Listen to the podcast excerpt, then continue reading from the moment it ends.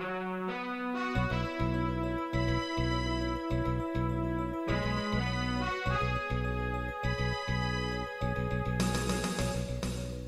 listening to Radio Free Asia. The following program is in Khmer.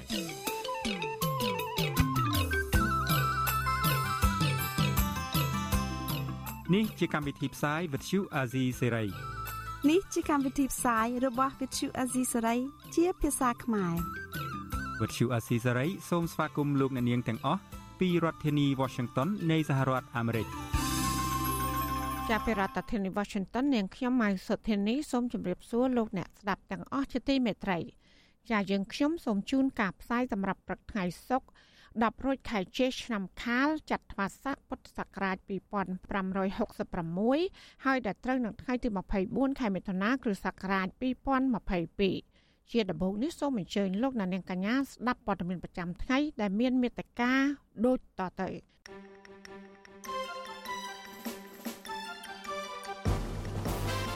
មន្ត្រីសិទ្ធិមនុស្សនិងអ្នកវិភាគចង់ឃើញឯកអគ្គរដ្ឋទូតអាមេរិកថ្មីផ្ដោតលើការបោះឆ្នោតជាតិនិងការគោរពសិទ្ធិមនុស្សមន្ត្រីរដ្ឋសភាថារដ្ឋាភិបាលជួបឧបសគ្គ ក្នុងការជំរុញឲ្យស្ថាប័នរដ្ឋគ្មានអំពើពុករលួយក្នុងការងាររដ្ឋបាល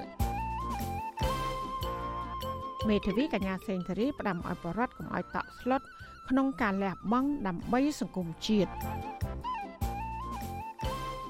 ចាអ្នកខ្លំមើលថាលោកហ៊ុនសែនបដូរថ្ងៃកំណើតព្រោះតែអបិយជំនឿរួមនឹងព័ត៌មានផ្សេងផ្សេងមួយចំនួនទៀត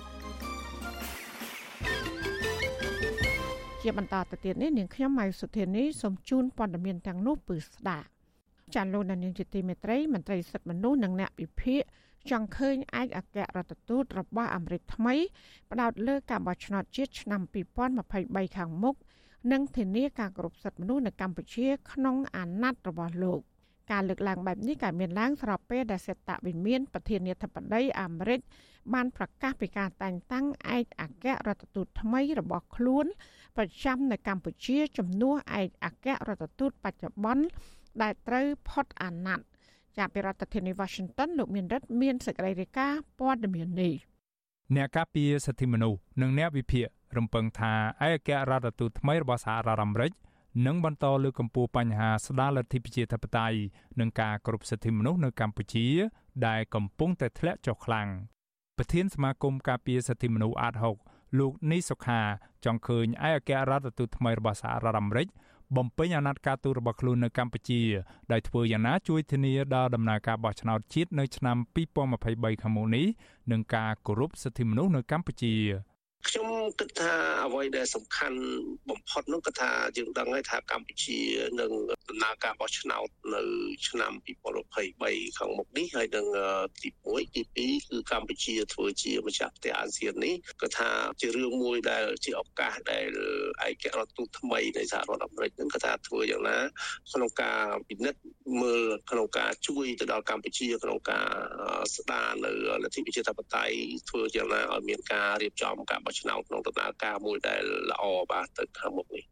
ស្រដៀងគ្នានេះដែរអ្នកវិភាគនយោបាយលោកកឹមសុខដែលបច្ចុប្បន្នកំពុងរស់នៅប្រទេសហ្វាំងឡង់ដើម្បីកិច្ចចេញពីការធ្វើទុកបុកម្នេញពីសំណាក់រដ្ឋាភិបាលលោកនាយរដ្ឋមន្ត្រីហ៊ុនសែនយល់ឃើញថាទំនាក់ទំនងរវាងកម្ពុជានិងសហរដ្ឋអាមេរិកនៅមានរឿងរ៉ាវជាច្រើនដែលត្រូវដោះស្រាយក៏ប៉ុន្តែលោកចង់ឃើញឯកអគ្គរដ្ឋទូតថ្មីរបស់សហរដ្ឋអាមេរិក ផ្ដោតអធិភាពជាសំខាន់លើបញ្ហាស្ដារលទ្ធិប្រជាធិបតេយ្យនៅកម្ពុជាជាមុនសិន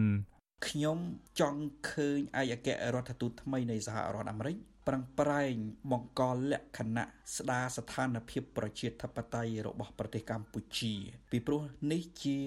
បញ្ហាដំណជាប់តាំងពីមុនមកក៏ជាវិបត្តិក្នុងពេលបច្ចុប្បន្ន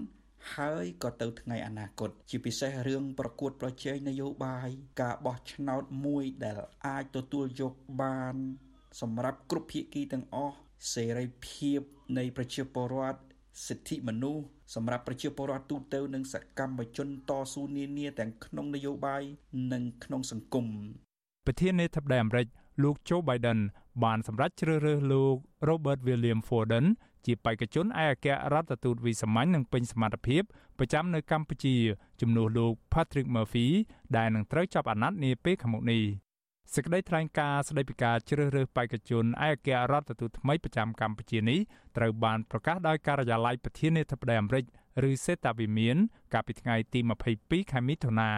សេតាវិមានសហរដ្ឋអាមេរិក បានបញ្ជូនសំណើនេះទៅកាន់ព្រឹទ្ធសភាអាមេរិករួចរាល់ហើយដើម្បីអនុវត្តទៅតាមនីតិវិធីបន្តទៀតលោក Robert William Forden មានអាយុ62ឆ្នាំនិងមកពីរដ្ឋ California ដែលមានពលរដ្ឋខ្មែរអាមេរិកាំងរស់នៅច្រើនជាងគេបង្អស់នៅសហរដ្ឋអាមេរិកលោកគឺជាអ្នកការទូតអាមេរិកដែលមានបទពិសោធន៍ជាច្រើនឆ្នាំផ្នែកកិច្ចការតំបន់អាស៊ីជាពិសេសទាក់ទងទៅនឹងប្រទេសចិន ទីដែលលោកធ្លាប់ធ្វើជាភារៈធារីនិងជាអនុប្រធានបេសកកម្មនៃស្ថានទូតសហរដ្ឋអាមេរិកប្រចាំក្រុងប៉េកាំង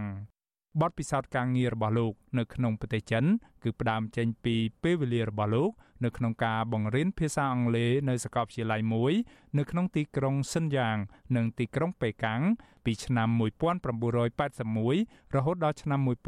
1983និងធ្វើជាភារៈធារី និងអនុប្រធានបេសកកម្មនៃស្ថានទូតសហរដ្ឋអាមេរិកប្រចាំក្រុងប៉េកាំងលោកបានកាន់មុខតំណែងការទូតជាច្រើន នៅក្នុងអាជីពនយោបាយរបស់លោក ដោយចាប់ផ្ដើមពីមុខតំណែងជាទីប្រឹក្សាសេដ្ឋកិច្ចនៃស្ថានទូតសហរដ្ឋអាមេរិកប្រចាំទីក្រុង Tel Aviv នៃប្រទេសអ៊ីស្រាអែលលោកក៏ធ្លាប់បម្រើការងារជាមន្ត្រីសេដ្ឋកិច្ចនៅស្ថានទូតសហរដ្ឋអាមេរិកប្រចាំទីក្រុងហាណូយនៃប្រទេសវៀតណាមផងដែរឯកអគ្គរដ្ឋទូតអាមេរិកប្រចាំនៅកម្ពុជា លោក Patrick Murphy បានបង្ហោះសារអបអរសាទរចំពោះលោក Robert William Forden តាមបណ្ដាញសង្គម Twitter កាលពីថ្ងៃទី23ខែមិថុនា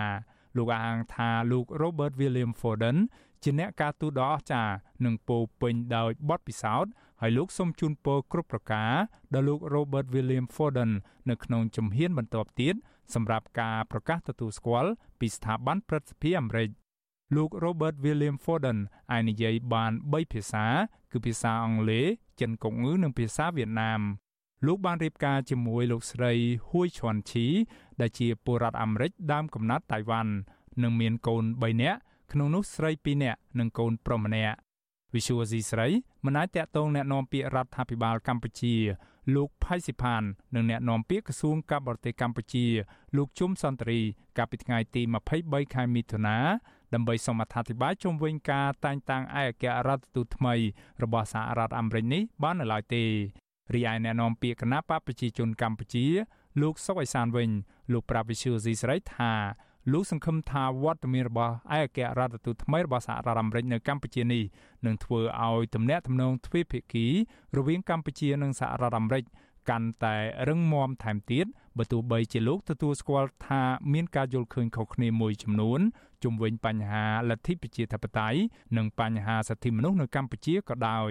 ចោ តបញ្ហាថាមានការធ្វើឲ្យលទ្ធិប្រជាធិបតេយ្យដើរថយក្រោយនឹងការរំលោភសិទ្ធិមនុស្សអានឹងវាមានចំណុចខ្លះត្រូវចំណុចខ្លះជាច្រើននឹងវាអត់ត្រូវបាទបើប្រៀបធៀបនឹងបណ្ដាប្រទេសគឺថាកម្ពុជានឹងវាមានលក្ខណៈល្អប្រសើរ ច្រើនជាពិសេសក្រោយកិច្ចព្រមព្រៀងសន្តិភាពទីក្រុងប៉ារីសស្ដីពីបញ្ហាកម្ពុជាមកគឺថាយើងបានអនុវត្តត្រឹមត្រូវហើយគឺចំពោះលទ្ធិប្រជាធិបតេយ្យនេះកំពុងតែដំណើរការទៅមុខដោយរលូនហើយគឺថាឲ្យតង់ល្អឥតខ្ចោះភ្លាមនោះកម្ពុជានៅក្មេងខ្ចីណាស់ទោះជាយ៉ាងណាដំណើរការលទ្ធិប្រជាធិបតេយ្យនិងសិទ្ធិមនុស្សនៅកម្ពុជា ត្រូវសហគមន៍ជាតិនិងអន្តរជាតិវាតម្លៃថាកំពុងរអិលថយក្រោយខ្លាំងជាពិសេសក្រោយការរំលាយគណៈបកសង្គ្រោះជាតិកាលពីចុងឆ្នាំ2017កន្លងទៅគណៈកម្ពុជាកំពុងគ្រប់គ្រងតាមបែបឯកបកនិងបន្តយុទ្ធនាការបង្ក្រាបឥតស្រាកស្រានមកលើសម្លេងរិះគន់ប្រព័ន្ធផ្សព្វផ្សាយនិងសង្គមស៊ីវិល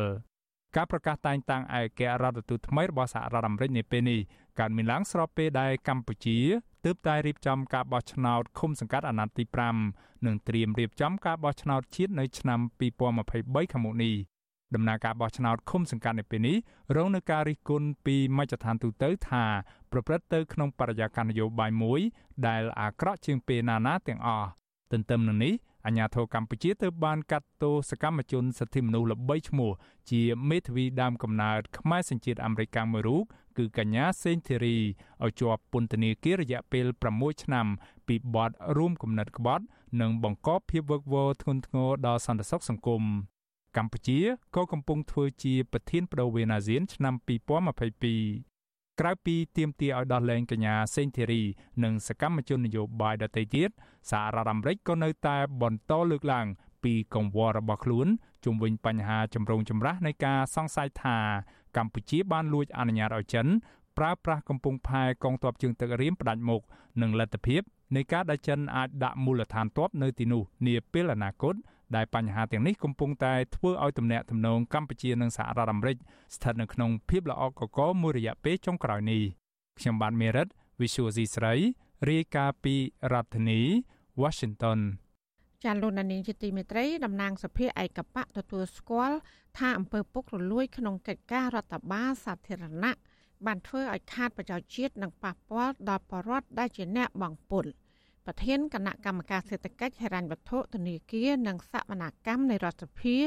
លោកឈៀងវុនថ្លែងក្នុងពិធីបើកវេទិកាសាធារណៈថ្នាក់ជាតិស្ដីពីការចូលរួមរបស់បរដ្ឋក្នុងដំណើរការកសាងផែនការថវិកាកាលពីថ្ងៃទី23ខែមិថុនានៅរាជធានីភ្នំពេញថារដ្ឋាភិបាលជួបឧបសគ្គច្រើនក្នុងការជំរុញឲ្យមន្ត្រីនិងស្ថាប័នរដ្ឋមានភាពស្អាតស្អំនិងគ្មានអំពើពុករលួយក្នុងកិច្ចការរដ្ឋបាលសាធារណៈ លោកបន្តថាស្ថាប័នរដ្ឋមិនស្អាតស្អំនាំឲ្យខាត់ថវិកាជាតិហើយគណៈបកកណ្ដាលអំណាចគឺជាអ្នកខាតបង់ធំជាងគេដែលនឹងបាត់បង់ការគ្រប់គ្រងពីប្រជាពលរដ្ឋក៏ប៉ុន្តែលោកអះអាងថារដ្ឋាភិបាល កំពុងប្រឹងប្រែងកែតម្រង់រដ្ឋបាលសាធារណៈដើម្បីធ្វើយ៉ាងណាឲ្យមន្ត្រីរាជការស្អាតស្អំនិងគ្មានអំពើពុករលួយ ទោះយ៉ាងណាការលើកឡើងរបស់តំណាងរដ្ឋាភិបាលឯកបៈលោកឈៀងវុនហាក់មិនមែនជារឿងថ្មីនោះទេពីព្រោះថាកម្ពុជា ក្រោមការគ្រប់គ្រងរបស់លោកហ៊ុនសែនបានជាប់ឈ្មោះក្នុងបញ្ជីនៃប្រទេសមានអំពើពុករលួយខ្លាំងជាងគេបំផុត នៅលើពិភពលោកអស់រយៈពេលជាច្រើនឆ្នាំមកហើយសន្ទុះអំពើពុករលួយប្រចាំឆ្នាំ2021របស់អង្គការដំឡាភិបអន្តរជាតិបង្ហាញថាកម្ពុជា ជាប់ចំណាត់ថ្នាក់លេខ157 ក្នុងចំណោមប្រទេសនឹងដែនដីសរុប180ដែលអង្គការអន្តរជាតិមួយនេះបានស្រាវជ្រាវរកឃើញ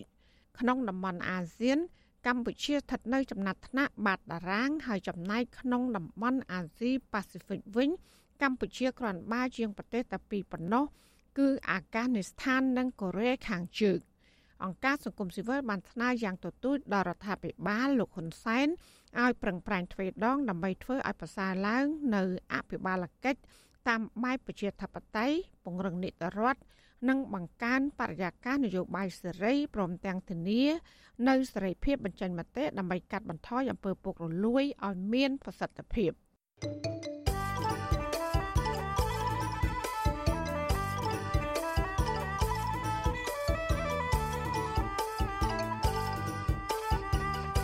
លោកអ្នកនាងកញ្ញាកំពុងស្ដាប់ការផ្សាយរបស់វិទ្យុអសីស្រីផ្សាយចេញពីរដ្ឋធានី Washington ចាមេធាវីកាពីក្តីកញ្ញាសេងធារី គឺលោកជួងជងីបានចូលជួបសួរសុខទុក្ខកូនក្តីរបស់លោក នៅក្នុងពន្ធនាគារនៅខេត្តព្រះវិហារជាលើកដំបូងក្រោយដែលសាលាដំបងរាជធានីភ្នំពេញបានផ្តន្ទាទោសកញ្ញាដាក់ពន្ធនាគារ6ឆ្នាំដោយអយុត្តិធម៌ មេធាវីបញ្ជាក់ថាកញ្ញាសេងធារីមានសុខភាពល្អជាធម្មតានិងស្នើសុំឲ្យលោកប្តឹងទាស់ទៅសាឡាវតោឲ្យបានឆាប់ឆាប់កញ្ញាក៏បានផ្ដាំផ្ញើឲ្យបរដ្ឋកំតក់ស្លុតក្នុងការលះបង់ដើម្បីសង្គមជាតិចាសសូមលោកនាងកញ្ញារងចាំស្ដាប់បទសម្ភាសជាមួយនឹងលោកមេធាវីជួងជងីជុំវិញបញ្ហានេះនៅក្នុងការផ្សាយរបស់យើងនាពេលបន្តិចទៀតនេះចាសសូមអរគុណ thank you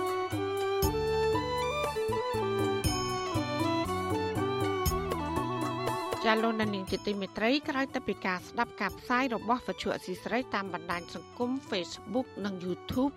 លោកនាងកញ្ញាក៏អាចស្ដាប់ការផ្សាយរបស់យើង តាមរយៈរលក ធាតុអាកាសខ្លីឬ Short Wave ដូចតទៅ ចាប់ពីព្រឹកចាប់ពីម៉ោង5កន្លះដល់ម៉ោង6កន្លះគឺតាមរយៈរលកធាតុអាកាសខ្លី12140 kHz ស្មើនឹងកម្ពស់ 25m និង13715 kHz ស្មើនឹងកម្ពស់ 22m ចាសម្រាប់ពេលយប់វិញគឺចាប់ពីម៉ោង7កន្លះដល់ម៉ោង8កន្លះគឺតាមរយៈរលកធាតុអាកាសខ្លី9960 kHz ស្មើនឹងកម្ពស់ 30m 12140 kHz ស្មើនឹងកម្ពស់ 25m ហើយនឹង13715 1885 kHz ស្មើនឹងកម្ពស់ 25m ចាសសូមអរគុណ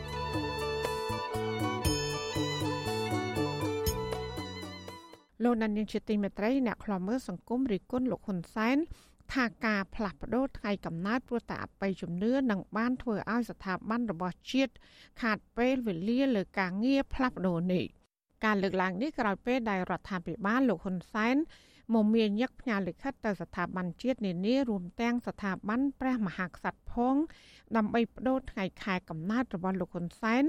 ដែលបដូរពីថ្ងៃទី4ខែមេសាឆ្នាំ1951មកថ្ងៃទី5ខែសីហាឆ្នាំ1952វិញចាអ្នកស្រីសុជីវីរាយការណ៍ព័ត៌មាននេះការបដូរថ្ងៃខែឆ្នាំកំណើតរបស់លោកហ៊ុនសែននៅពេលនេះតម្រូវឲ្យរដ្ឋាភិបាលត្រូវរំខានដល់ប្រធានរដ្ឋសភា ប្រធានព្រឹទ្ធសភា រហូតព្រះមហាក្សត្រនិងប្រមុខស្ថាប័នជាតិមួយចំនួនទៀតចាប់ពីពេលនេះតទៅលោកហ៊ុនសែនមានថ្ងៃកំណើតពិត គឺថ្ងៃទី5ខែសីហាឆ្នាំ1952ទន្ទឹមគ្នានេះសម្បីតែការបដូរថ្ងៃខែឆ្នាំកំណើតនេះមន្ត្រីរបស់លោកហ៊ុនសែនមួយចំនួនក៏ឆ្លៀតផ្ញើសារអបអរសាទរប្រងព្រាតផងដែរអ្នកវិភាគនយោបាយលោកកឹមសុខរិះគន់ថាលោកហ៊ុនសែនតែងយករឿងផ្ទាល់ខ្លួនតូចតាចរបស់លោក ធ្វើឲ្យគេរវល់ពេញនគរប៉ុន្តែលោកហ៊ុនសែនមិនសូវអើពើដោះស្រាយបញ្ហាជាតិឬបញ្ហាពលរដ្ឋនោះទេលោកបន្តថានេះគឺជាការបំផ្លាញលុយជាតិនិងពេលវេលាបំពេញការងាររបស់មន្ត្រីរាជការពីព្រោះកាលណានិយាយទៅដល់ប្រទេសជាតិគឺត្រូវបំរើផលប្រយោជន៍របស់ប្រជាពលរដ្ឋនិងការពារទាំងបូរណភាពទឹកដីនិងកិត្តិយសជាតិ ប៉ុន្តែនៅពេលដែលគាត់ដាក់ផលប្រយោជន៍របស់គាត់និងគ្រួសារគាត់នៅពីមុខអ្វីអ្វីដែលជាដំណើរការជាតិហ្នឹងវាត្រូវស្ទះទាំងអស់វាមានដំណើរការតែតាក់ទងទៅនឹងផលប្រយោជន៍នយោបាយរបស់ក្រុមគ្រួសារហ៊ុនហើយគាត់តែប៉ុណ្ណោះចំណែកប្រធានក្រុមប្រឹក្សាឃ្លាំមើលកម្ពុជានៅប្រទេសណ័រវេលោកម៉ែនណាតសរសេរនៅលើ Facebook បែបឌឺដងទៅលោកហ៊ុនសែនថាបន្ទាប់ពីស្បែកជើងហោះកាត់មុខលោកហ៊ុនសែនបដូរថ្ងៃខែឆ្នាំកំណើតតាមអបិយជំនឿ ដើម្បីឲ្យជ្រះចង្រៃលោកម៉ែនណាតយល់ថាការបដូរថ្ងៃខែឆ្នាំកំណើតរបស់លោកហ៊ុនសែនពេលនេះ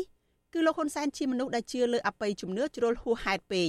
លោកបន្តថាមេដឹកនាំដែលងប់ងល់នឹងអបិយជំនឿបែបនេះបង្ហាញថាមេដឹកនាំនោះគ្មានសមត្ថភាពគាត់ជឿលើអារឿងអាបៃជំនឿរឿងរឿងកាត់សយកាត់សៅម៉ងអញ្ចឹងវាតាមតាមធម្មតាវាគ្មានអបៃជំនឿណាមួយមកគ្រប់ដណ្ដប់ទៅលើការដឹកនាំរបស់ខ្លួនទេវាអត់មានទេបើយើងជាមេដឹកនាំល្អទោះបីយើងស្លាប់ជាខ្មោចរាប់សិបឆ្នាំរាប់សិបសតវត្សក៏គេនៅយកមកគោរពបូជាដែរប្រតិកម្មរបស់អ្នកខ្លាំមើលដូចនេះក្រោយប្រធានតុលាការក្រុងភ្នំពេញលោកតាំងសុនឡាយ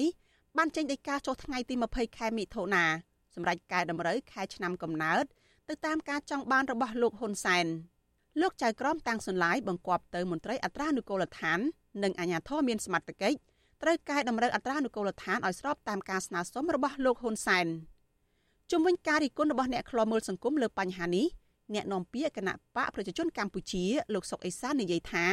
ការបដូរថ្ងៃខែឆ្នាំកំណើតរបស់លោកហ៊ុនសែនជាសិទ្ធិរបស់លោកហ៊ុនសែនលោកសុកអេសានសូមមិនធ្វើអត្ថាធិប្បាយថាការបដូរថ្ងៃខែឆ្នាំកំណើតរបស់លោកហ៊ុនសែន តាក់ទងនឹងអបិយជំនឿរបស់លោកហ៊ុនសែននោះឬយ៉ាងណាទេហើយមានមានខាតអីបងពីណាហើយការដែលទូលថ្វាយបកុលណាឬមួយក៏ស្ថាប័ននេះនេះនឹងជាអឺការទទួលខុសត្រូវរបស់សម្ដេចនាយកលោកធ្វើលិខិតជូនដំណឹងទៅតាហើយមានខាតអីឥឡូវនឹងមានខាតអីប្រជាជនទូទាំងប្រទេសគេមិនទៅមាត់ផងអឺអាអ្នកនេះអូវាខុសនោះចេះតែខុសគ្រប់កន្លែងខុសគ្រប់រឿងទាំងអស់ហ្នឹងវាអត់ត្រូវរឿងទេយើងទៅយើងទៅបិទសិទ្ធគេមិន ទោះយ៉ាងណាលោកហ៊ុនសែនថ្លែងកាលពីថ្ងៃទី17ខែឧសភាគឺនៅប៉ុន្មានថ្ងៃក្រោយការស្លាប់របស់បងប្រុសលោកគឺលោកហ៊ុនណេងថាថ្ងៃខែឆ្នាំកំណើតបងប្រុសលោកគឺឆុងគ្នានឹងថ្ងៃខែឆ្នាំកំណើតរបស់លោកដែលបានប្រើប្រាស់នាពេលកន្លងមក គឺថ្ងៃទី4ខែមេសាឆ្នាំ1951អញ្ចឹងបើនិយាយពីកើតថ្ងៃ2ខែមេសា គឺគាត់នៅក្នុងឆ្នាំផ្លូវដល់គាត់មកយកខែវិច្ឆិកាគាត់នៅក្នុងឆ្នាំខាល គឺឆុងឆ្នាំនឹងតម្រងព្រោះនៅក្នុងចំណោមគ្រួសារខ្ញុំអត់មានតាណាមួយរឿងបេះដូងទេអត់ចឹងទេរឿងនេះខ្ញុំបានពិភាក្សាជាមួយអាដាមកើតរិទ្ធខ្ញុំវិលមករកថ្ងៃខែកំណើតរបស់ខ្ញុំវិញមេធាវីតំណាងលោកហ៊ុនសែនបានប្តឹងទៅសាលាដំបងរាជធានីភ្នំពេញកាលពីដើមខែមិថុនាថាជិតមួយជីវិតរបស់លោកហ៊ុនសែនបានប្រើប្រាស់ថ្ងៃខែឆ្នាំកំណើតខុសព្រោះប្រទេសមានសង្គ្រាមប៉ុន្តែពេលនេះលោកមានបំណងប្រើប្រាស់ថ្ងៃខែឆ្នាំកំណើតពិតរបស់លោកវិញ គឺថ្ងៃទី5ខែសីហាឆ្នាំ1952ថ្ងៃកំណើតផ្លូវការថ្មីរបស់លោកហ៊ុនសែននេះគឺត្រូវនៅថ្ងៃអង្គារ15កើតខែស្រាប ឆ្នាំរោងចត្វាស័កពុរសករាជ2492ឆ្នាំរោងនេះត្រូវនឹងសត្វនាគដែលលោកហ៊ុនសែនមានជំនឿថាអ្នកកើតឆ្នាំរោងនេះមានរិស័យខ្ពស់នេះខ្ញុំសុជីវីវិទ្យុអាស៊ីសេរីពីរដ្ឋធានី Washington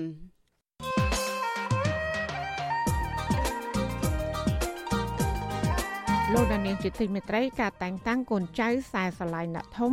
នៅក្នុងស្ថាប័នរដ្ឋបានក្លាយជាវប្បធម៌ចាក់ឫសយ៉ាងជ្រៅមួយនៅក្នុងសង្គមកម្ពុជារាប់តាំងពីមន្ត្រីថ្នាក់ក្រោមរហូតដល់មេដឹកនាំកម្ពុជាកម្ពុជារួមមានទាំងលោកនាយករដ្ឋមន្ត្រីហ៊ុនសែននិងរដ្ឋមន្ត្រីក្រសួងមហាផ្ទៃលោកសខេងសុទ្ធតែបានតែងតាំងកូនចៅនិងសាច់ញាតិរបស់ខ្លួនទាំងចាស់ទាំងក្មេងឲ្យកាន់កាប់តួនាទីសំខាន់សំខាន់នៅតាមក្រសួងមន្ទីរ តើវប្បធម៌តែងតាំងកូនចៅខ្សែស្រឡាយរបស់អ្នកធំទាំងនេះមានផលវិជ្ជមាននិងអវិជ្ជមានអ្វីខ្លះដល់សង្គមជាតិហើយថាតើធ្វើបែបណាដើម្បីបញ្ចប់វប្បធម៌អាក្រក់បែបនេះចាសសូមលោកនាងកញ្ញារងចាំស្ដាប់នេតិវេទិកាអ្នកស្ដាប់វត្ថុអសីស្រីជុំវិញបញ្ហានេះនៅក្នុងការផ្សាយរបស់យើងនៅយប់ថ្ងៃសុក្រនេះកុំបីអខានប៉ះសិនបើលោកនាងចង់មានមតិយោបល់ឬក៏សាកសួរវាគ្មិនរបស់យើង សូមលោកនាងដាក់លេខទូរស័ព្ទនៅក្នុងខ្ទង់ comment Facebook ឬ YouTube របស់វិទ្យុអសីស្រីហើយក្រុមការងាររបស់យើងនឹងហៅទៅលោកនាងវិញចាសសូមអរគុណ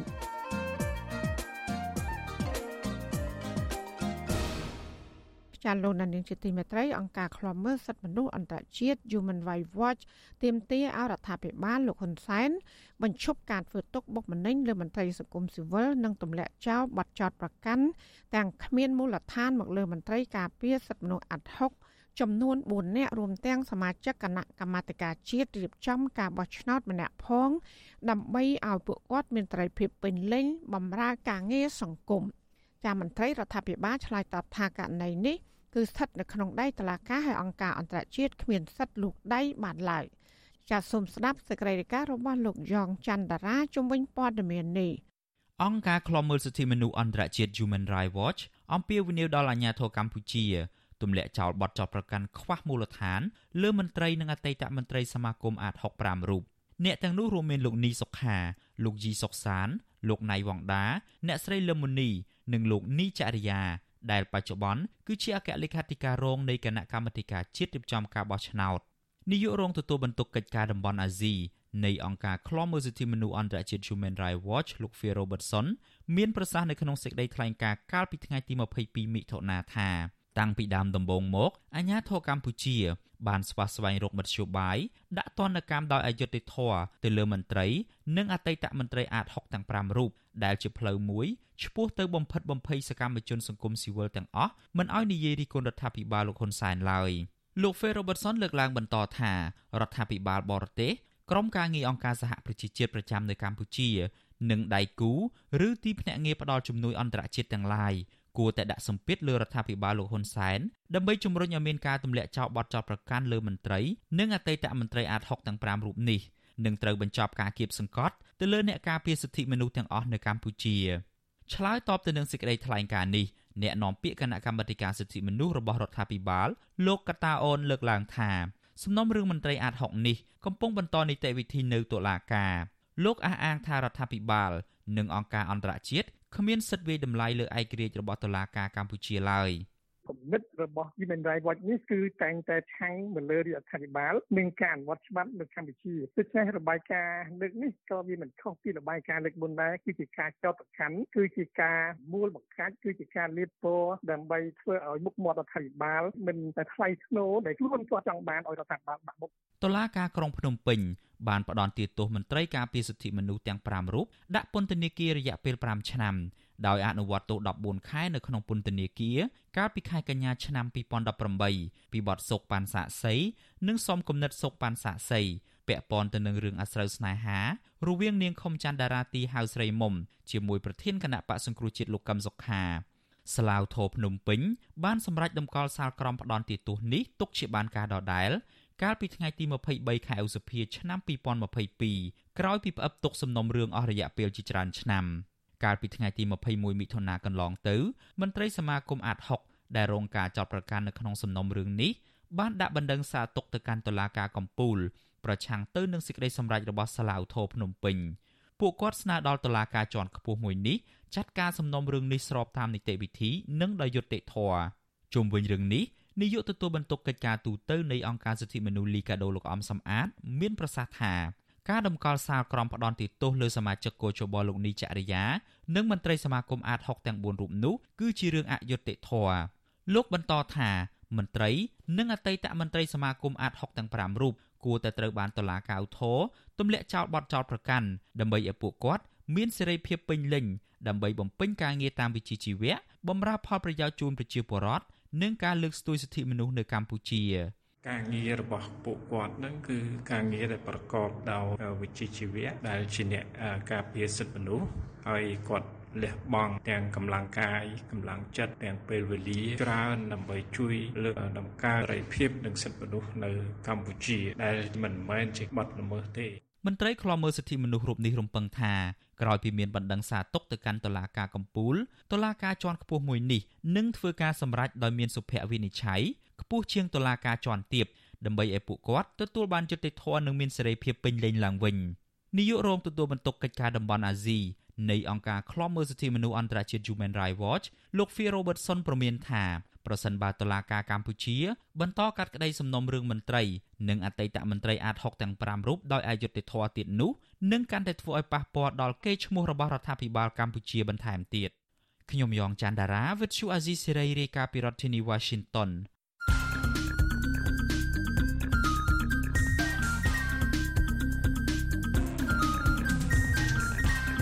បទសំភារ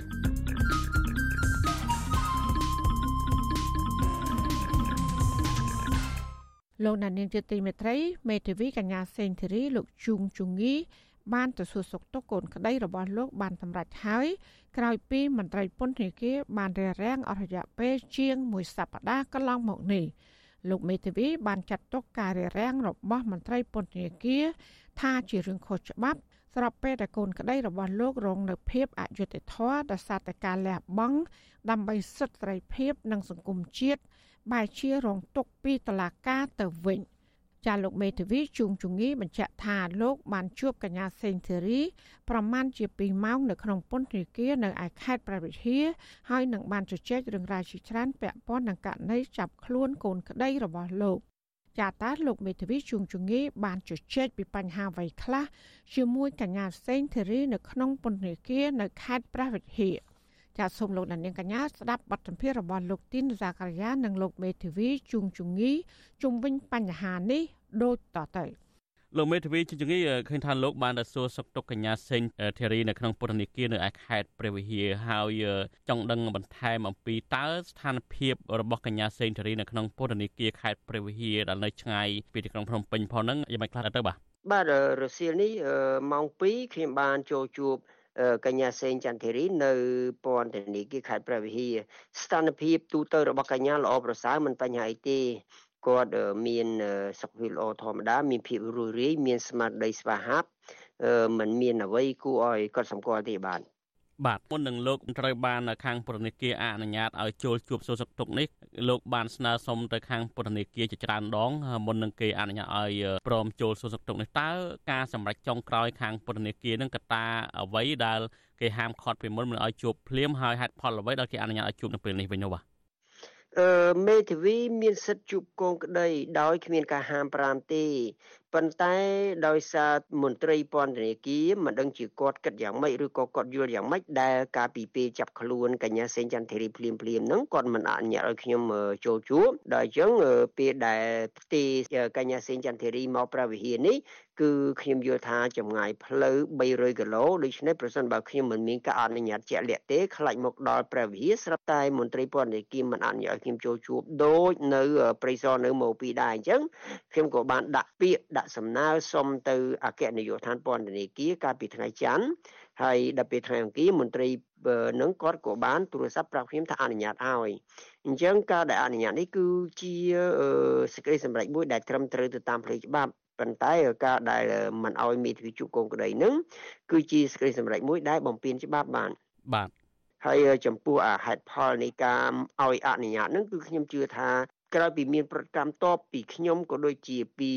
មជ្ឈដ្ឋានប្រជាប្រដ្ឋដែលគាត់ដឹងថាពន្ធនាគារមិនអនុញ្ញាតឲ្យមេធាវីចូលជួបកូនក្តីហ្នឹងគឺក្រោយពីមានប្រតិកម្មតបហ្នឹងក៏មន្ត្រីពន្ធនាគារមន្ត្រីអគ្គនាយកដ្ឋានពន្ធនាគារគាត់គាត់យល់ឃើញថាមេធាវីគួរតែមានសិទ្ធិចូលជួបអញ្ចឹងគាត់អនុញ្ញាតហើយម្យ៉ាងទៀតក៏ខ្ញុំមានការចាប់អារម្មណ៍ថាក្រោយពីយកកញ្ញាសេងចន្ទធីរីមកព្រះវិហារដូច្នេះមន្ត្រីពន្ធនាគារអត់មានការព្រួយបារម្ភពីរឿងថាការគៀងគរតវ៉ាអីក៏បាត់ការព្រួយបារម្ភអញ្ចឹងគឺគេក៏អនុញ្ញាតឲ្យមេធាវីចូលជួបគាត់តែម្ដងទៅបាទលោកមេធាវីជួយជងីដោយលោកមានប្រសាសន៍អាមាញ់មាញ់ចឹងគឺមេធាវីមានសិទ្ធិជួបកូនក្តីរបស់ខ្លួនពិសេសគឺពិភាក្សាទៅលើការប្តឹងអូថូប្តឹងទាស់ទៅនឹងសាលក្រមសាលាដំបងអញ្ចឹងជាដើមហើយការដែលខាងមន្ត្រីពន្ធនាគារអនុវត្តនេះជារូបភាពបំពេញច្បាប់ដោយលោកមានប្រសាសន៍អញ្ចឹងតើជាការបំពេញច្បាប់ទាំង មន្ត្រីពន្ធនាគារមិនដឹងយល់អំពីច្បាប់ឬក៏វាពាក់ព័ន្ធនឹងរឿងនយោបាយអ្វីផ្សេងបាទដោយសារតសកម្មភាពរបស់កញ្ញាសេងចន្ទធីរីកន្លងមកនេះគឺពាក់ព័ន្ធរឿងសកម្មភាពនយោបាយគាត់តស៊ូមតិ ក្នុងគោលបំណងចង់បានប្រជាធិបតេយ្យចង់បានសេរីភាពនៅក្នុងសង្គមខ្មែរយើងហើយគាត់ក៏ចូលរួមក្នុងការទាមទារឲ្យមានការដោះលែងអ្នកទោសមនសិការដែរអញ្ចឹងសកម្មភាពរបស់គាត់នឹងធ្វើឲ្យមានការព្រួយបារម្ភដល់អ្នកកាន់អំណាចអញ្ចឹងក៏មានការចាត់ប្រកាន់គាត់មានការចាប់ខ្លួនគាត់អញ្ចឹងនៅពេលដែលមានការចាប់ខ្លួនគាត់ឃុំខ្លួនគាត់នឹងគឺខ្ញុំជឿថាអ្នកកាន់អំណាចនឹងគឺគាត់មានការប្រយ័ត្នប្រយែងខ្ពស់ ដល់អញ្ចឹងទៅកាលណាមានការប្រយ័ត្នប្រយែងខ្ពស់អញ្ចឹងទៅមានការរៀបរៀងឬក៏មិនអញ្ញឲ្យមេធាវីចូលជួបកូនក្តីនឹងធ្វើឲ្យប៉ះពាល់សិទ្ធិរបស់មេធាវីខ្លាំងក្នុងការការពិសិដ្ឋកូនក្តីហើយក៏ប៉ះពាល់ដល់សិទ្ធិកញ្ញាសេងចន្ទធីរីដែលគាត់មានសិទ្ធិទទួលបានការប្រឹក្សាច្បាប់ភ្លាមភ្លាមជាមួយនឹងគាត់ជាមួយនឹងមេធាវីហើយមែនទែនទៅនៅពេលដែលកញ្ញាសេងចន្ទធីរីត្រូវបានខាត់ខ្លួនมันខុសពីអ្នកត្រូវបានសមត្ថកិច្ចខុសខ្លួនជាទូទៅទេអ្នកដែលមានលទ្ធភាពអាចចូលជួបកូនក្តីខ្លួនមុនគេគឺមេធាវីនឹងហើយអញ្ចឹងទន្ទឹមនឹងនោះគឺជនដែលត្រូវបានសមត្ថកិច្ចចាប់ខ្លួននោះគឺគាត់រំពឹងបានជួបមេធាវីភ្លាមភ្លាមមុនគេបំផុតមុនអ្នកណាណាទាំងអស់ប៉ុន្តែដល់ពេលករណីកញ្ញាសេងចន្ទធីរីមិនបានជួបមេធាវីភ្លាមភ្លាមធ្វើឲ្យគាត់អន្ទះសារគាត់មានការព្រួយបារម្ភគាត់មានចងល់ហើយគាត់អន្ទះសារអញ្ចឹងជាក់ស្ដែងរសៀលនេះម៉ោង2ខ្ញុំបានចូលជួបគាត់គាត់បង្ហាញការភ្ញាក់ផ្អើល បង្ហាញភាពរំភើបដែលគាត់ទន្ទឹងចាំខ្ញុំយូរហើយបាទហើយដែលរយៈពេលមួយសប្តាហ៍កន្លងទៅនឹងគឺអត់មាននរណាមកជួបគាត់តតសោះបាទទោះបីជាសាច់ញាតិក្តីទោះបីជាខាងអង្គការក្រៅរដ្ឋាភិបាលក្តីអត់មាននរណាសោះមានតែខ្ញុំនឹងហើយជាមេធាវីមកជួបគាត់មុនគេបំផុតហើយជាមនុស្សតែម្នាក់ដែលតែម្នាក់គាត់ដែលបានមកជួបគាត់មុនគេបាទបាទអញ្ចឹងមកទល់ពេលនេះខាងក្រុមគ្រួសារអីក៏មិនទាន់បានជួបដែរអត់ទាន់នៅឡើយទេ លោកមេធាវីជួនជំងឺអ្វីដែលលោកមានប្រសាសន៍មិញថាខារដ្ឋាភិបាលទំនងជាខ្លាចអត្តពលរបស់កញ្ញាសេនតូរីដែលទៅនឹងរឿងនយោបាយប៉ុន្តែបើយើងមើលទៅវិញក្នុងនាមលោកជាមេធាវីការពីក្តីឲ្យកញ្ញាសេនតូរីផងហ្នឹងតើ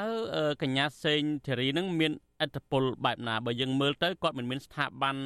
ជាអង្គការចាត់តាំងឬក៏មិនមានរចនាសម្ព័ន្ធអ្វីទល់សោះតើកញ្ញាសេនរឿងពិតជាអាចធ្វើឲ្យប៉ះពាល់ដល់អំណាចរបស់រដ្ឋាភិបាលឬក៏យ៉ាងណាបាទកញ្ញាសេនចន្ទធីរីគាត់ជាបុគ្គលឯកជនមួយរូបហើយពេលដែលគាត់តស៊ូមតិហ្នឹងគឺគាត់ធ្វើតែខ្លួនគាត់អត់មានរចនាសម្ព័ន្ធអីទេគ្រាន់តែថានៅពេលដែលគាត់ធ្វើសកម្មភាពតស៊ូមតិតាមរយៈសម្ដីហើយនឹងសកម្មភាពមួយចំនួនហ្នឹងមានការគ្រប់គ្រងពីស្ត្រីដែលស្រឡាញ់គាត់ពេញចិត្តនឹងអំពើរបស់គាត់គ្រប់គ្រងតែប៉ុណ្្នឹងទេអញ្ចឹងអ្វីដែលខ្ញុំគាត់សម្គាល់ហ្នឹងគឺ ការធ្វើឬក៏ការតស៊ូមតិរបស់គាត់នឹងគឺអត់អាចទៅប៉ះពាល់ដល់អំណាចអ្នកកាន់អំណាចក៏អត់អាចធ្វើឲ្យសង្គមនឹងជបោកវល់គឺអត់ទេ គ្រាន់តែថាអ្វីដែលគាត់ធ្វើគោលបំណងរបស់គាត់ដែលខ្ញុំមើលឃើញច្បាស់នឹងចង់ឲ្យមានសេរីភាពមានប្រជាធិបតេយ្យមានការគោរពសិទ្ធិមនុស្សមានការអនុវត្តច្បាប់ដោយត្រឹមត្រូវពិតប្រាកដគឺក្នុងគោលបំណងរបស់គាត់តែប៉ុណ្្នឹងទេហើយអំពើរបស់គាត់នេះអត់មានអត់អាចធ្វើឲ្យ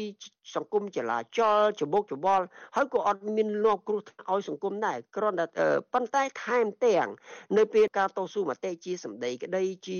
សកម្មភាពក្តីការតស៊ូរបស់គាត់នៅពេលដែលចេញផលគឺវាមានប្រយោជន៍សម្រាប់ប្រជាប្រដ្ឋខ្មែរទាំងមូលពីព្រោះគោលដៅរបស់គាត់នឹងគឺចង់បានសេរីភាពចង់បានប្រជាធិបតេយ្យចង់បានការគោរពសិទ្ធិមនុស្សចង់ឲ្យមានការគោរពច្បាប់ពិតប្រាកដដូច្នេះជាគោលបំណងពិតរបស់គាត់ដែលខ្ញុំមើលឃើញនឹងដើម្បីប្រយោជន៍សង្គមទាំងមូលពេលដែលគាត់កំពុងតស៊ូអត់មានផ្ដោតគ្រោះថ្នាក់អីដល់សង្គមតទៅសោះហើយក៏មិនប៉ះពាល់ទៅដល់អំណាចអ្នកដឹកនាំដែរហើយបើការតស៊ូមតិរបស់គាត់នឹងមានការផ្លាស់ប្ដូរ បានប្រជាធិបតេយ្យបានសេរីភាពបានការគោរពច្បាប់សិទ្ធិមនុស្សពិតប្រាកដហ្នឹងគឺជាប្រយោជន៍សង្គមខ្មែរទាំងមូលដែលជាលទ្ធផលមួយដែលអ្នកផ្សេងទៀតអត់អាចដំណើរធ្វើបានដោយគាត់ប៉ុន្តែគាត់ជាស្ត្រីភេទចេញពីម្នាក់ឯងគាត់អាចតស៊ូធ្វើបានបែបហ្នឹងគួរតែលើកទឹកចិត្តគួរតែសរសើរគាត់គួរតែចូលរួមជាមួយគាត់បានប៉ុន្តែអ្វីដែលខ្ញុំមានការសោកស្ដាយបែរជាអ្នកកណ្ដាលអំណាចបែរជាមិនលើកទឹកចិត្តគាត់បែរជាភ័យខ្លាចថាធ្វើឲ្យប៉ះពាល់ដល់អំណាចរបស់អ្នកកណ្ដាលអំណាចអាហ្នឹងគឺខ្ញុំយល់ថាការព្រួយបារម្ភហ្នឹងដូចថាព្រួយបារម្ភហួសហេតុពេកណាហើយសម្រាប់អ្វីដែលខ្ញុំមើលឃើញអំពើរបស់គាត់អត់អាចប៉ះពាល់ទៅលើអំណាចអ្នកដឹកនាំទេ គឺជាការធ្វើសកម្មភាពដើម្បីចង់ឲ្យខ្មែរយើងមានការគោរពច្បាប់មានសិទ្ធិមនុស្សមានប្រជាធិបតេយ្យមានសេរីភាពដែលពិតប្រាកដហើយដែលបលទ្ធផល ចេញមកបានគឺវាជាសំណាងរបស់ប្រជាប្រដ្ឋខ្មែរទៅវិញទេបាទបាទអ្វីដែលលោកមានប្រសាសន៍នៅពេលនេះគឺថាកញ្ញាសេនស៊ូរីដែលបានធ្វើនឹងគឺដើម្បីផលប្រយោជន៍សង្គមជាតិទាំងមូលទៅវិញទេប៉ុន្តែបែរទៅវិញបែរជាទទួលទុកទោសបែបនេះទៅវិញតើការដែលតឡាការសម្រេចបែបនេះជាទស្សនៈរបស់លោកក្នុងផ្លូវច្បាប់វិញតើវាប៉ះពាល់បែបណាឬក៏វាខុសច្បាប់បែបណាទៅបាទអឺនិយាយពីច្បាប់វាមានទម្រង់ច្បាប់ហើយនឹងកតេច្បាប់ខ្ញុំមានក៏គាត់សម្គាល់ថាអ្នកអនុវត្តច្បាប់ជាច្រើននៅស្រុកខ្មែរយើងគឺប្រតិបត្តិទៅឬក៏អនុវត្តទៅគឺអត់បានគោរពត្រឹមត្រូវទៅតាមកតេច្បាប់ទៅតាមស្មារតីច្បាប់ទេបាទ ជាញឹកញាប់ខ្ញុំសង្កេតឃើញថាការអនុវត្តនឹងគឺព្យាយាមបំពេញតម្រង់ប៉ុន្តែជួនកាលនឹងគឺផ្ទាស់ទៅនឹងកតិច្បាប់ឧទាហរណ៍មួយនេះថាជាទូទៅមេធាវីមានសិទ្ធិជួបកងក្តីប៉ុន្តែដល់ពេលអ្នកគ្រប់គ្រងពន្ធនាគារមានការភ័យខ្លាចជ្រុលចំពោះកញ្ញាសេងចន្ទរីបែរជាហាមឬក៏រារាំងមិនឲ្យមេធាវីទៅជួបកងក្តីឬពន្ធនាគារទៅវិញហើយក្រៅពីករណីនឹងក៏មានបញ្ហាជាច្រើនតទៀតដូចជាក់ស្ដែងនឹងអ្វីដែលកញ្ញាសេងចន្ទរីធ្វើនឹងគឺសកម្មភាពរបស់គាត់អត់មានខុសច្បាប់តទៅសោះទោះបីយើងមហាជនមើលទៅឃើញថាសកម្មភាពមួយចំនួនហាក់ដូចជាគាត់សម្ដែងមកដូចជាមិនពេញភ្នែកយល់ថាជាការខុសឆ្គងប៉ុន្តែវាអត់ខុសច្បាប់តទៅសោះប៉ុន្តែអ្វីដែលខ្ញុំមើលឃើញសម្រាប់ខ្ញុំជាមេធាវីការពិសិដ្ឋរបស់គាត់នោះជួនកាលខ្ញុំមានការអនុអធមអាណិតគាត់ទៅវិញទេគឺគាត់ដូចជាធ្វើទរណកម្មខ្លួនឯងបាទលោកមេធាវីជួយជំងឺត្រង់ចំណុចនេះតើកញ្ញាសេងចន្ទរីឬក៏កញ្ញាសេងធរិនធ្វើទរណកម្មខ្លួនឯងឬក៏រដ្ឋាភិបាលជាអ្នកធ្វើទរណកម្មឬក៏តុលាការបាទ ត្រង់ចំណុចនឹងឬក៏ពាក់ព័ន្ធទៅនឹងសកម្មភាពនឹងយើងឃើញថាអ្វីដែលគាត់ធ្វើនឹងគឺដូចជាគាត់រៀបចំខ្លួនគាត់ទៅ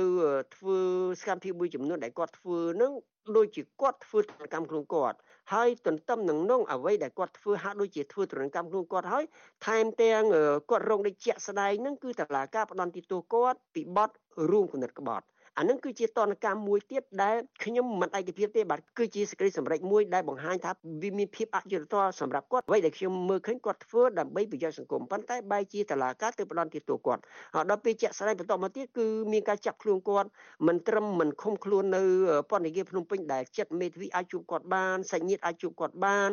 ហើយគាត់ក៏មានឱកាសអាចទទួលការទៅសួរសុខទុក្ខពីមិត្តភ័ក្តិពីអីបែរជាបញ្ជូនគាត់មកប្រវិហាធ្វើឲ្យឆ្ងាយអានឹងក៏ជាការធ្វើទរណកម្មចំពោះគាត់មួយដែរបាទអញ្ចឹងការធ្វើ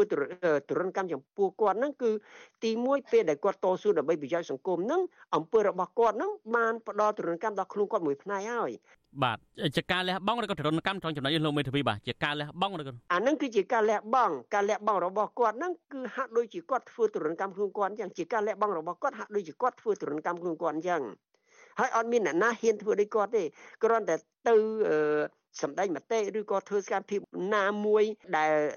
រៀងមានភាពមិនប្រក្រតីនឹងមនុស្សភាគច្រើនឬក៏ជាទូទៅអត់ហ៊ានធ្វើផងប៉ុន្តែកញ្ញាសេងចន្ទធីរីធ្វើដោយសារគាត់មានបំណងចង់បានខ្លាំងឲ្យខ្មែរយើងមានប្រជាធិបតេយ្យមានសេរីភាពមានការគោរពច្បាប់ដូច្នេះគាត់ហ៊ានលះបង់គាត់ហ៊ានធ្វើអ្វីដែលមនុស្សទូទៅអត់ហ៊ានធ្វើហើយការដែលគាត់ហ៊ានធ្វើហ្នឹងហាក់ដូចជាធ្វើទរណកម្មខ្លួនគាត់អញ្ចឹងគាត់លះបង់គាត់លះបង់សេចក្តីសុខផ្ទាល់ខ្លួនហាក់ដូចជាធ្វើទរណកម្មខ្លួនគាត់អញ្ចឹងអ្នកគ្រប់គ្រងរដ្ឋអត់បានជ្រុំជ្រែងអត់បានលើកទឹកចិត្តគាត់បែរជារារាំងបែរជាដាក់ទោសគាត់ហាក់ដូចជាធ្វើទរណកម្មគាត់បន្ថែមទៅលើនឹងទៀតបាទអរគុណច្រើនលោកមេធាវីជួងជំងាយខ្ញុំចង់ងាកមកក្នុងពន្ធនាគារដែលលោកបានទៅជួបសួរសុខទុក្ខកញ្ញាសេងចន្ទរីនេះវិញតើកញ្ញាបានផ្ដែផ្ដាំអ្វីខ្លះដល់លោកដែរទេបាទពេលដែលខ្ញុំជួបគាត់គាត់សម្ដែងភាពភ្ញាក់ផ្អើលរំភើបគាត់ថាគាត់ទន្ទឹងចាំខ្ញុំយូរ ពីព្រោះមួយសប្តាហ៍កន្លងមកទើបគាត់បានជួបមេធាវីដែលគាត់ដឹងច្បាស់គាត់ជាអ្នកច្បាប់ហើយគាត់រំពឹងថាបានជួបខ្ញុំភ្លាមភ្លាមប៉ុន្តែគាត់មិនបានជួបខ្ញុំភ្លាមភ្លាមដល់ពេលបានជួបខ្ញុំថ្ងៃហ្នឹងគាត់បង្ហាញភាពរំភើបញាប់ញ័រខ្លាំងហើយខ្ញុំក៏សប្បាយចិត្តដែរបានជួបគាត់ប៉ុន្តែត្រង់ថាការរស់នៅគាត់មានការខ្វះខាតគឺដូចថាมันអាចពេញលេញដូចយើងរស់នៅក្រៅនឹងផ្ទះខ្លួនយើងដែលមានសេរីភាពណាបាទបន្ទប់រស់នៅនឹងគេដាក់ចូលជាមួយអ្នកជាប់ពន្ធនាគារប្រភេទណាបាទ គាត់នៅក្នុងបន្ទប់មួយដែលមានគ្នាជាង10នាក់នៅក្នុងបន្ទប់រួមបាទអ្នកទោសប្រភេទណាទៅបាទជាស្ត្រីដូចគ្នាបាទជាស្ត្រីដូចគ្នាហ្នឹងហើយខ្ញុំក៏មិនបានសួរស៊ីជម្រៅពីរឿងថាជាមនុស្សអ្នកទោសប្រភេទណាក៏មិនបានសួរតែគាត់ដឹងថាជាស្ត្រីដូចគ្នានៅក្នុងបន្ទប់ដែលមានអ្នកជាប់ពន្ធនាគារផ្សេងទៀតជាង10នាក់ហ្នឹង បាទក្នុងការសន្ទនានឹងរយៈពេលប្រហែលនាទីឬក៏ប្រហែលម៉ោងហើយ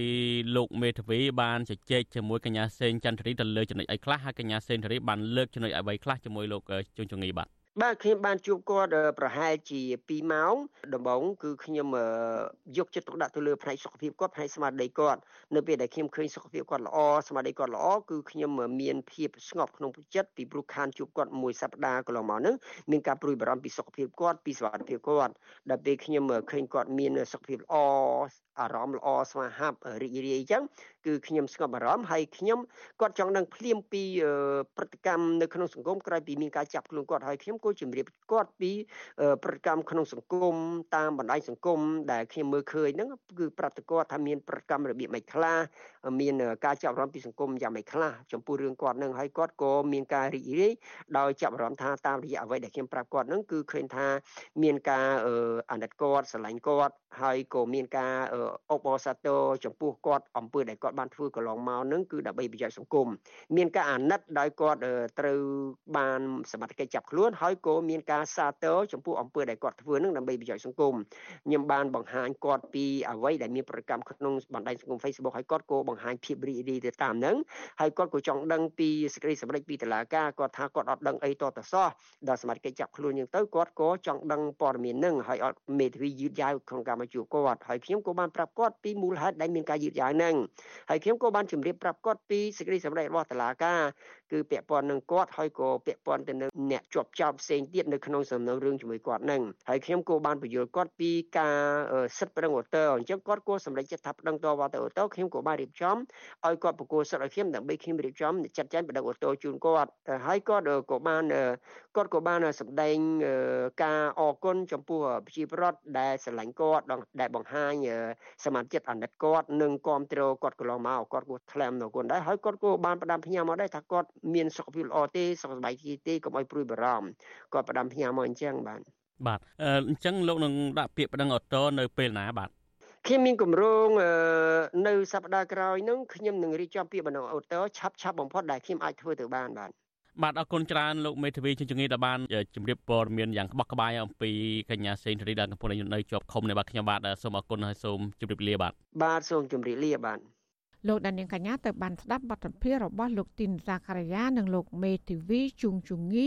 អំពីតឡាការផ្ដន្ទាទោសកញ្ញាសេងធារី គឺជារឿងដាក់ទណ្ឌកម្មដោយសារតែកញ្ញាលះបង់ដើម្បីសិទ្ធិសេរីភាព និងសង្គមជាតិ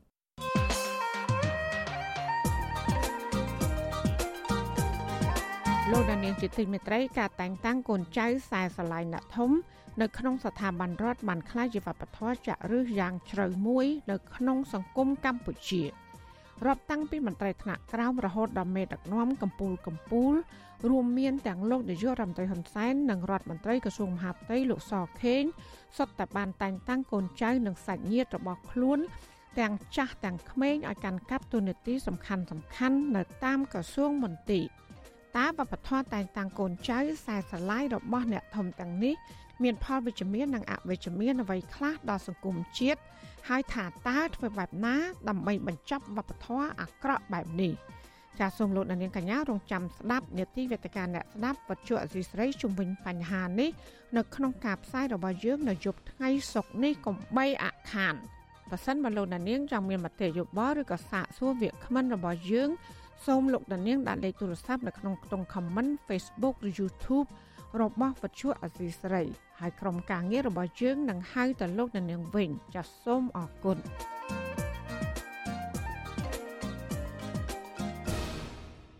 ចាលោកនាងជាទីមេត្រីអតីតមន្ត្រីជាន់ខ្ពស់ខ្លំមើលសិទ្ធិមនុស្សអន្តរជាតិរួមទាំងអ្នកខ្លំមើលការបោះឆ្នោតផងថាការបោះឆ្នោតឃុំសង្កាត់កន្លងទៅនេះ គឺរកបន្ទុកដាក់គ្មានព្រោះពួកគាត់សង្កេតឃើញថាការបោះឆ្នោតនោះ គឺធ្វើឲ្យតែល្អមើលដើម្បីគ្រាន់តែបង្ក្រប់កិច្ចដោយមិនគោរពតាមគោលការណ៍ប្រជាធិបតេយ្យពិតប្រាកដនៃការបោះឆ្នោតដោយសេរីត្រឹមត្រូវនិងយុត្តិធម៌នោះឡើយតើកត្តាអ្វីខ្លះដែលនាំឲ្យការបោះឆ្នោតខ្វះភាពសេរីត្រឹមត្រូវនិងយុត្តិធម៌ចាប់ពីរដ្ឋធានី Washington លោកមួងណារ៉េតមានសេចក្តីរាយការណ៍ពីស្ដារជំវិញព័ត៌មាននេះ អតីតមន្ត្រីជាន់ខ្ពស់ខ្លំមើលសិទ្ធិមនុស្សអន្តរជាតិដែលឃ្លាំមើលស្ថានភាពសិទ្ធិមនុស្សនិងប្រជាធិបតេយ្យនៅកម្ពុជាអស់រយៈពេលជាង20ឆ្នាំមកនេះសង្កត់ធ្ងន់ទៅលើចំណុចធំបំផុតមួយដំបូងគេដែលប៉ះពាល់ខ្លាំងដល់ដំណើរការប្រជាធិបតេយ្យនៅកម្ពុជា នោះគឺអវត្តមានគណៈបកសង្គ្រោះជាតិដែលជាគណៈបកប្រឆាំងធំជាងគេដែលត្រូវគេផាត់ចោលមិនឲ្យចូលរួមប្រកួតនៅក្នុងការបោះឆ្នោតនោះ។ អតីតនាយកប្រតិបត្តិទទួលបន្ទុកកិច្ចការតំបន់អាស៊ីរបស់អង្គការ Human Rights Watch លោក Brad Adams ថាពេលណាក៏ដោយឲ្យតែមានការបោះឆ្នោតណាមួយ ដែលគណៈបកប្រឆាំងធំជាងគេនិងមេដឹកនាំគណៈបកនេះរងបំរាមនយោបាយនិងមន្ត្រីគណៈបកប្រឆាំងកំពុងតែជាប់គុកឬក៏ប្រឈមរឿងក្តីក្តាំព្រមត្តននៅមុខតុលាការការបោះឆ្នោតនោះមិនអាចមានភាពសេរីត្រឹមត្រូវនិងយុត្តិធម៌បាននោះឡើយ។ សាស្ត្រាចារ្យផ្នែកច្បាប់អន្តរជាតិនៅសាកលវិទ្យាល័យ Berkeley នៃរដ្ឋ California សហរដ្ឋអាមេរិករូបនេះបន្ថែមថានៅក្នុងស្ថានភាពកម្ពុជាបច្ចុប្បន្ននេះបើឧបមាថាមានប្រការចៃដន្យបំផុតណាមួយដែលគេឲ្យគណៈបកប្រឆាំងឈ្នះឆ្នោតក៏ដោយក៏ការបោះឆ្នោតនោះនៅតែគ្មានភាពសេរីត្រឹមត្រូវនិងយុត្តិធម៌នោះដែរព្រោះលោកថាការបោះឆ្នោតដែលសេរីត្រឹមត្រូវនិងយុត្តិធម៌ត្រូវឈរលើនីតិវិធីនិងដំណើរការត្រឹមត្រូវមិនមែនឈរលើលទ្ធផលនោះឡើយ។ So when you have the ruling party in any country not just Cambodia ដូច្នេះមិនថាតែនៅកម្ពុជាទេ នៅប្រទេសណាក៏ដោយកាលណាគណៈបកកាន់អំណាចគ្រប់គ្រងគ្រប់រូបភាពទៅលើនីតិវិធីនិងដំណើរការនៃស្ថាប័នរៀបចំការបោះឆ្នោតព្រមទាំងបំបិតសិទ្ធិសេរីភាពបេក្ខជន និងគណៈបកនយោបាយប្រឆាំងតាមទំនឹងចិត្តដោយសារហេតុផលនយោបាយប្រទេសនោះมันអាចមានការបោះឆ្នោតមួយដែលសេរីត្រឹមត្រូវនិងយុត្តិធម៌បាននោះទេ បើយើងនិយាយអំពីពិន្ទុពី0ដល់10គឺការបោះឆ្នោតនោះបាន0ពិន្ទុព្រោះបោះឆ្នោតបែបលេងសើចមិនមែនបោះឆ្នោតមែនទេនោះទេ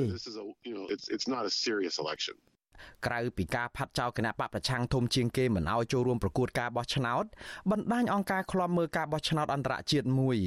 បានរកឃើញអំពីបញ្ហាជាច្រើនដែលមិនអាចធ្វើឲ្យការបោះឆ្នោតនោះប្រព្រឹត្តទៅដោយសេរីត្រឹមត្រូវនិងយុត្តិធម៌បាន។ មុនការបោះឆ្នោតជ្រើសរើសក្រុមប្រឹក្សាគុំសង្កាត់អាណត្តិទី5ដែលប្រព្រឹត្តទៅកាលពីថ្ងៃទី5ខែមិថុនាអង្គការបណ្ដាញអាស៊ីសម្រាប់ការបោះឆ្នោតដោយសេរីហៅកាត់ថា Anfrel បានចេញរបាយការណ៍វិយតម្លៃទស្សនវិជ្ជាមុនការបោះឆ្នោតនោះ។ អង្គការនេះរកឃើញធាតុផ្សំដែលខូចប្រយោជន៍ប្រជាធិបតេយ្យជាច្រើននៅក្នុងក្របខ័ណ្ឌច្បាប់បច្ចុប្បន្នដែលនៅតែបន្តផ្ដល់ឱកាសឲ្យមានការរំលោភបំពាននិងឈានទៅរដ្ឋបិទលំហសេរីភាពរបស់ប្រជាពលរដ្ឋនិងអាប់អួរដល់បរិយាកាសបោះឆ្នោតដោយសេរីត្រឹមត្រូវនិងយុត្តិធម៌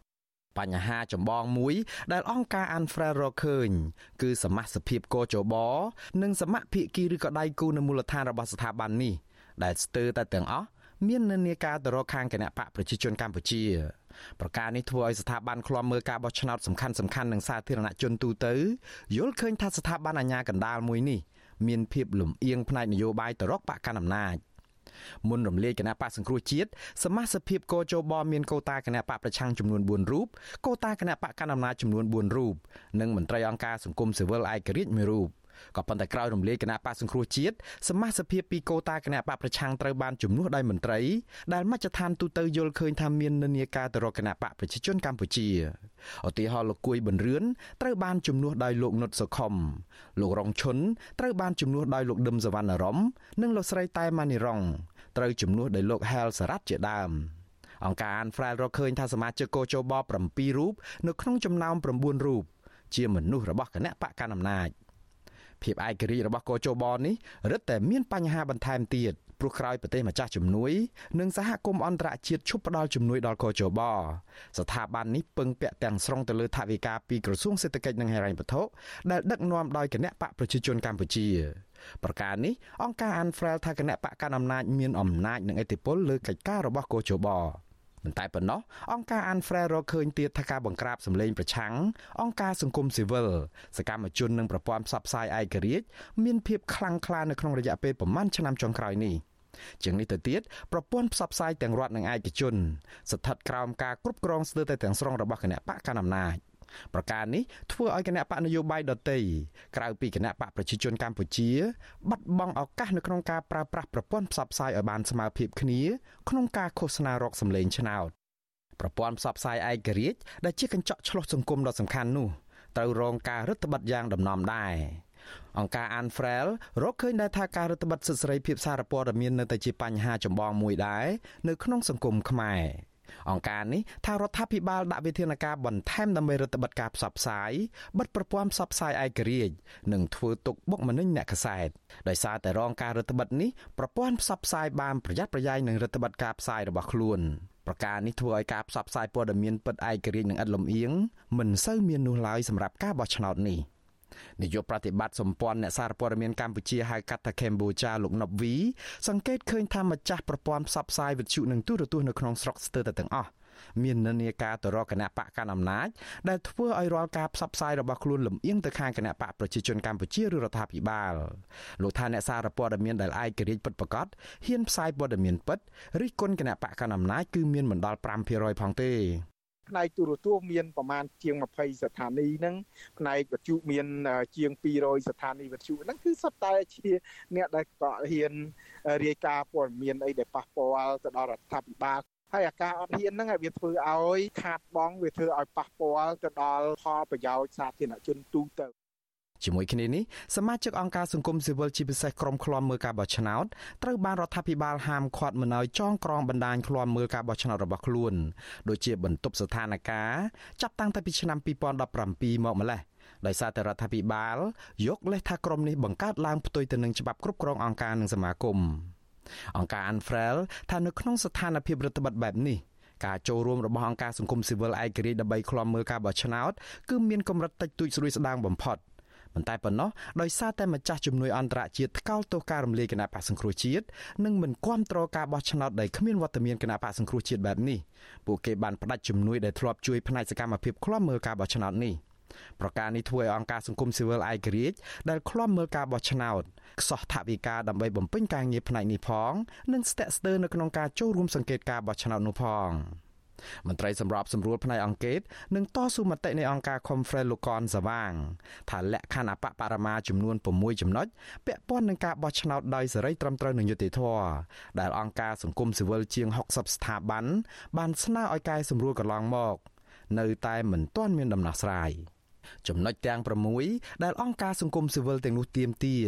រួមមានបញ្ហាសមាជិកគណៈកម្មាធិការជាតិរៀបចំការបោះឆ្នោតបញ្ហាប្រើធនធានរដ្ឋដើម្បីប្រយោជន៍បកកណ្ដាលអំណាចនិងបញ្ហានៃច្បាប់ដែលបើកដៃឲ្យរំលាយគណៈបកនយោបាយជាប់ឆ្នោតដូចជាគណៈបកសង្គ្រោះជាតិដែលយកអាសនៈរបស់បកនេះទៅចែកឲ្យគណៈបកដតីក្បត់ឆន្ទៈរាជម្ចាស់ឆ្នោតជាដើម ចឹងកន្លែងនេះគឺជាដំណើរមួយដែលមិនបានឆ្លុះបញ្ចាំងពេញលេញនៅក្នុងដំណើរការនៃការបោះឆ្នោតធានាអំពីសិទ្ធិអ្នកបោះឆ្នោតទេ បើទោះបីជាយ៉ាងនេះក្តីលោកខនសវាងថាលោកសង្កេតឃើញអំពីសន្ទុះទឹកចិត្តនៃប្រជាពលរដ្ឋមូលដ្ឋាន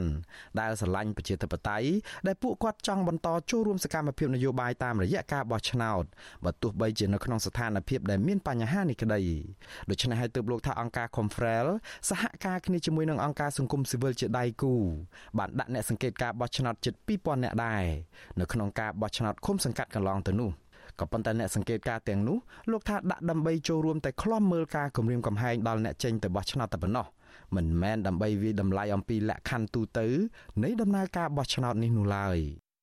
បើប្រៀបធៀបទៅនឹងអាណត្តិមុនមុនចំនួននៃអ្នកសង្កេតការរបស់អង្គការ Conference និងអង្គការសង្គមស៊ីវិលជាដៃគូសម្រាប់អាណត្តិនេះគឺតិចជាងលើកមុនមុនជិត10ដង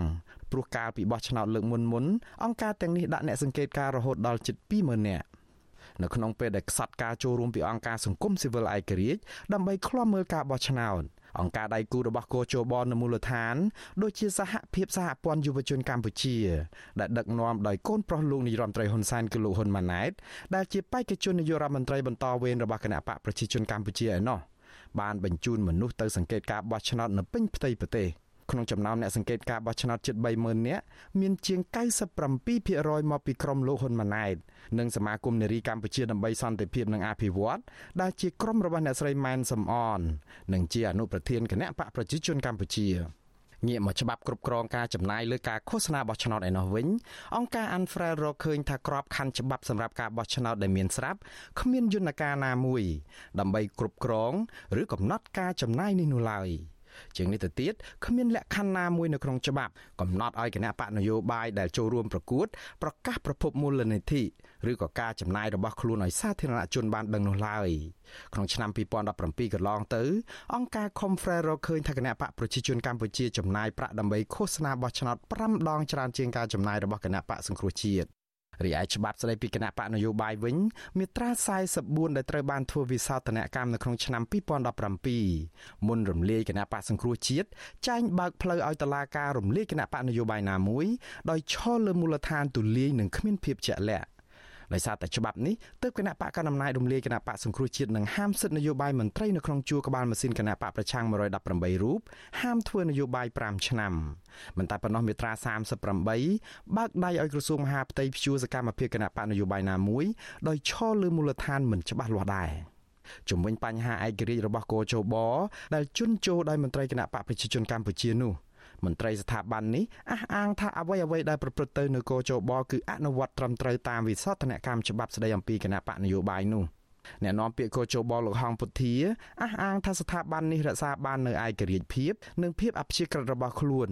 ព្រោះលោកថាសមាជិកនីមួយៗត្រូវអនុវត្តឲ្យបានខ្ជាប់ខ្ជួនតាមបទបញ្ជាផ្ទៃក្នុងរបស់កោជបដែលធានាការបោះឆ្នោតមួយប្រព្រឹត្តទៅដោយសេរីត្រឹមត្រូវនិងយុត្តិធម៌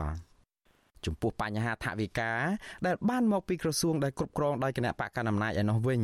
លោកហំពុធាថានោះគឺជាដំណើរការប្រក្រតីនៃលំហូរថវិកាដើម្បីទ្រទ្រង់ស្ថាប័នរៀបចំការបោះឆ្នោតព្រោះម្ចាស់ជំនួយឈប់ផ្ដល់លុយជួយដល់ស្ថាប័ននេះលោកថារឿងដែលសំខាន់គឺមិនមែនរឿងបានថវិកាមកពីខាងណានោះទេក៏ប៉ុន្តែកម្ពុជាត្រូវធានាឲ្យមានការបោះឆ្នោតមួយជាទៀងទាត់រៀងរាល់5ឆ្នាំម្ដង លោកអះអាងថាការប្រើប្រាស់ថវិការបស់ក្រសួងសេដ្ឋកិច្ចនិងហិរញ្ញវត្ថុដែលគ្រប់គ្រងដោយគណៈបកកណ្ដាលអំណាចនេះមិនប៉ះពាល់ដល់ឯករាជ្យភាព និងភាពឥតលំអៀងរបស់កោជបនោះឡើយការប្រើប្រាស់ថវិកាជាតិនេះខ្ញុំគិតថាមិនមែនមែនតែស្រុកខ្មែរមួយទេស្រុកណាក៏ដោយគេប្រើប្រាស់ថវិការបស់ប្រទេសខ្លួនឯងនឹងក្នុងការដំណើរការបោះឆ្នោតណា បើតាមលទ្ធផលបឋមនៃការបោះឆ្នោតជ្រើសរើសក្រុមប្រឹក្សាគុំសង្កាត់ដែលគ្មានកម្លាំងប្រកួតស្មើគ្នានេះបើទោះបីជាមានគណៈបកនយោបាយ17គណៈបកចូលរួមការបោះឆ្នោតនោះយ៉ាងណាក្តីក៏គណៈបកប្រជាជនកម្ពុជា ប្រមូលតំណែងមេឃុំនិងចៅសង្កាត់ទាំងអស់លើកលែងតែ4កៅអីតែប៉ុណ្ណោះនៅក្នុងចំណោមតំណែងមេឃុំចៅសង្កាត់ទាំង1652នៅទូទាំងប្រទេស។ លទ្ធផលនេះខុសគ្នាស្រឡះទៅនឹងការបោះឆ្នោតឃុំសង្កាត់អាណត្តិទី4ដែលមានគណៈបកសង្គ្រោះជាតិចូលរួមដែលកាលនោះគណៈបកសង្គ្រោះជាតិជាប់មេឃុំនិងចៅសង្កាត់ជិត500ឃុំសង្កាត់បើទោះបីជាយ៉ាងនេះក្តីមួយសប្តាហ៍ក្រោយការបោះឆ្នោតនោះ លោកនាយរដ្ឋមន្ត្រីហ៊ុនសែនថ្លែងកោតសរសើរកោជបថាបានរៀបចំបានល្អសម្រាប់ដំណើរការបោះឆ្នោតឃុំសង្កាត់និងបបួលអ្នកដែលជំទាស់លទ្ធផលបោះឆ្នោតឲ្យស្បត់បើហ៊ានថាការបោះឆ្នោតនោះប្រព្រឹត្តទៅមិនត្រឹមត្រូវឬដោយមានការលួចបន្លំលោកហ៊ុនសែនចាត់ទុកការស្បត់នេះថាជារឿងសំខាន់តើពួកអ្នកឯងដែលចោតថាគេ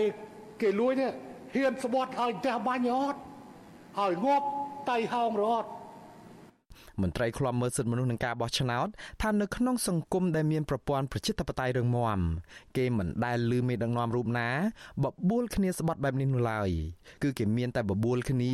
ឲ្យបើកការស៊ើបអង្កេតដោយឯករាជ្យនិងម៉ត់ចត់ដើម្បីរកដំណោះស្រាយសមស្របរកប្រយោជន៍យុត្តិធម៌សង្គមនិងស្ដារទំនុកចិត្តរបស់ប្រជាពលរដ្ឋ ជាងនេះទៅទៀតប្រទេសប្រជាធិបតេយ្យតែងតែលើកស្ទួយស្ថាប័នរៀបចំការបោះឆ្នោតឲ្យមានភាពឯករាជ្យនិងឥតលំអៀងនិងរិះរកវិធីយ៉ាងណាបង្កបរិយាកាសនយោបាយឲ្យមានភាពអំណោយផល និងស្មើភាពគ្នាសម្រាប់គ្រប់ភាគី ដែលចូលរួមនៅក្នុងដំណើរការបោះឆ្នោតម្យ៉ាងទៀតរដ្ឋធម្មនុញ្ញកម្ពុជាចែងការពារឲ្យមានការបោះឆ្នោតមួយដោយសេរី ត្រឹមត្រូវនឹងយុត្តិធម៌ដែលអាចទទួលយកបានពីគ្រប់ភាគីខ្ញុំបាទមួងណារ៉េត With you Asisari ប្រធានាទី Washington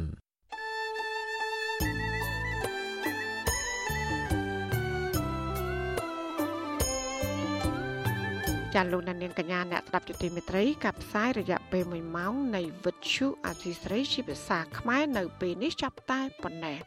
ចាយើងខ្ញុំទាំងអស់គ្នាសូមជូនពរលោកនាងព្រមទាំងក្រុមគូសាទាំងអស់សូមជួបប្រកបតែនឹងសេចក្តីសុខសេចក្តីចម្រើន ជានិរន្តរ៍